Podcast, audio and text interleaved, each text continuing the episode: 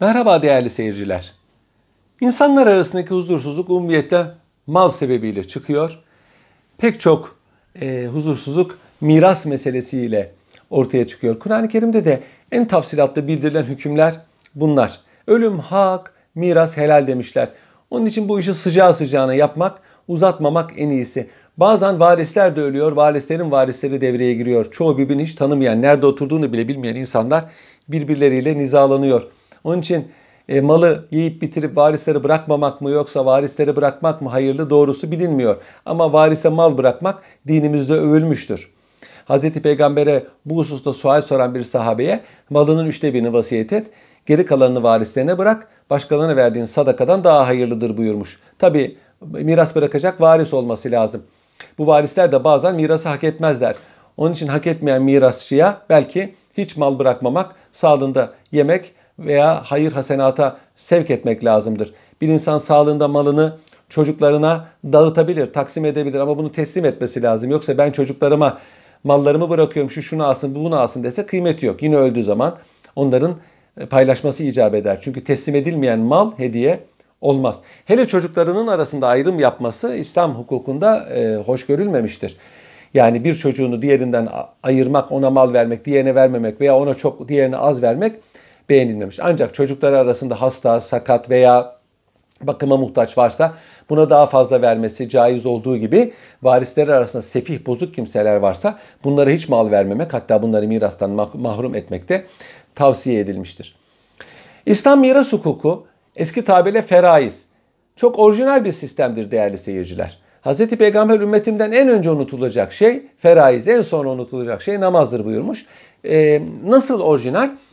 Normalde mirasta insan öldüğü zaman mirasçılar paylaşıyorlar. Hayır İslamiyet'te öyle değil. Önce ölenin cenaze masrafları mal varlığından çıkarılıyor. Malı yoksa e, Müslümanlar kaldırıyorlar, hükümet kaldırıyor. Sonra borçları varsa borçları ödeniyor o kişinin.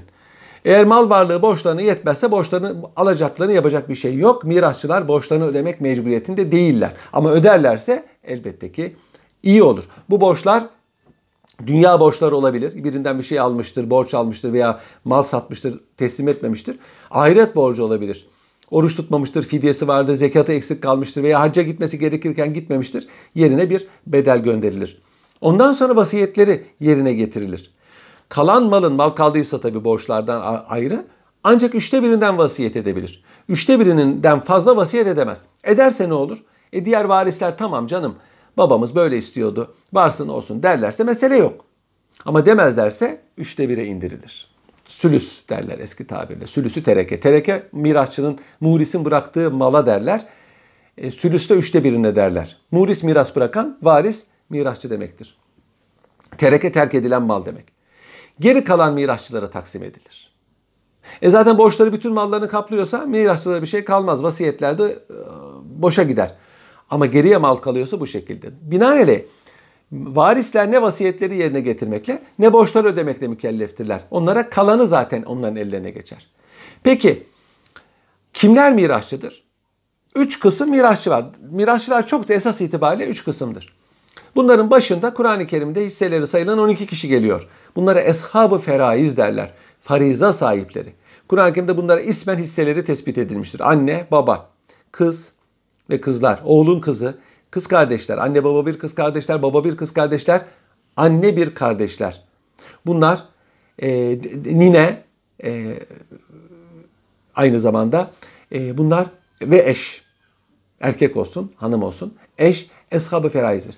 Önce bunların hisseleri Kur'an-ı Kerim'de sayılmıştır. Ve çeşitli ihtimallere göre bu hisseler değişir. Bazen artar, bazen azalır mirasçıların varlığına ve çokluğuna göre. Bunlar bir kere dağıtılır hepsine. Fazla gelirse indirilir. Az gelirse arttırılır. Şimdi bazıları diyor ki e, Kur'an-ı Kerim'deki miras dağıtıldığı zaman matematik olarak fazla geliyor. Yani güya Allah matematik bilmedi demeye getiriyorlar. Halbuki onun çaresi var. Fazla gelirse çünkü hisseler aynı değil. Kiminin altıda bir, kiminin üçte bir, kiminin sekizde bir, kiminin dörtte bir. Elbette ki farklı olacak. Fazla gelirse yani mallardan fazla tutarsa indirilir hisse nispetinde. Eksik gelirse tekrar herkese hisse nispetinde dağıtılır. Ancak bu ne zaman olur? İkinci sınıf mirasçı yoksa. Onlar kim? Asabe. Mur ise yani ölene erkek yoluyla bağlı olanlara derler. Baba oğul, erkek kardeş, amca bunlar hep asabedir. Tabi bunlarda da yakınlık mevzu bahistir. Yani bir adamın oğlu varsa erkek kardeşine miras gitmez. Ama oğlu varken babaya miras gider. Yakın akraba uzak akrabayı hacbeder. Mesela bir adamın oğlu varsa torununa miras gitmez. Kendinden önce ölen oğlunun çocuklarına miras gitmez. Buna dede yetimi derler. Dede yetimine vasiyet yoluyla miras bırakabilir istiyorsa eğer dede. Asabe denilen bu mirasçılarda mirası aldıktan sonra mal kalırsa kalmaz. Çünkü bunlar zaten kalanın tamamını alır. Mesela kızlar yalnız başına ise hesabı feraiz olur. Erkek kardeşleri varsa onlar da asabe olur. Yani asabe sadece erkek demek değildir.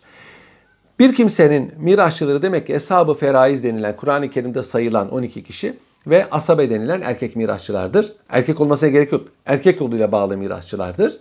Mesela erkek kardeşinin kızının çocukları asabe değildir. Bunlar mirası alırlar, aralarında paylaşırlar ve iş biter.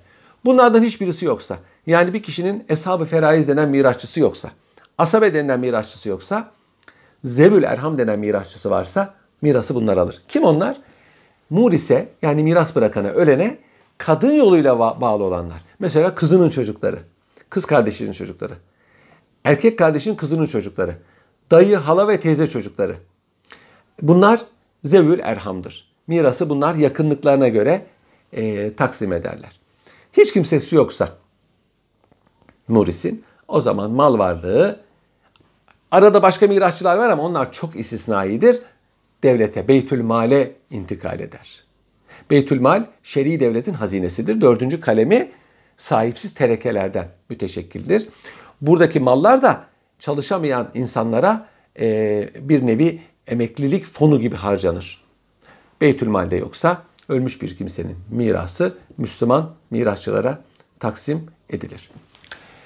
Miras hukukunu e, Kur'an-ı Kerim ve hadis-i şerifler tanzim ediyor ama varisler isterlerse buna göre paylaşmak mecburiyetinde değiller. Çünkü bir kimse öldüğü zaman borçları ödenir, vasiyetleri yerine getirir. Kalan miras şirketi olur varisler arasında. Herkesin hissesi belli zaten. Bu varisler aralarında anlaşarak e, farklı bir şekilde paylaşabilirler. Mesela birisi diyebilir ki ya evi ben alayım, işte tarlaları sen al, dükkanı sen al. Bunların kıymetleri farklı bile olsa eğer bütün varisler anlaşmışlarsa mirası bu şekilde taksim edebilirler. Nitekim şirket de böyle taksim edilir. Birine fazla düşebilir, birine az düşebilir ama hepsinin rızası olmak şartıyla. Eğer taraflardan bir tanesi buna razı olmazsa o zaman miras şer'i miras ahkamına göre taksim edilir. Eğer mirasçılar arasında küçük bir çocuk varsa veya gayip varsa veya akıl hastası varsa o zaman miras mutlaka şer'i kaidelere göre taksim edilir ve mahkeme taksim eder. Çünkü mirasçılar o kişiyi gadire uğratabilirler. Mahkeme taksim eder. Mahkemede bu işe bakan hususi hakimler vardır. Kassam derler onlara. Kassam yoksa kadı efendi yine taksim eder. Tabi miras taksimi yapabilmek için hem şer'i hükümleri bilmek lazım hem bayağı kesirleri bilmek lazım. Matematiğin en çok şer'i ilimlerde kullanıldığı yer miras taksimleridir. Miras taksimleriyle alakalı bir husus daha var. O da şu.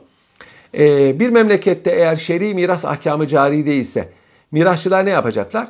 Yine şer'i miras ahkamına göre paylaşmak mecburiyetindedirler. Çünkü Müslüman nerede yaşarsa yaşasın Müslüman dininin hükümlerine uymakla mükelleftir. Onun için dinini kayıran mirasçıların bu işi mahkemeye düşürmeden şer'i miras ahkamına göre paylaşmaları tavsiye edilir. Varisler arasında dini hükümlerden anlamayan veya bu gibi şeylere emniyet vermeyen birisi varsa o zaman hiç karışmamalı.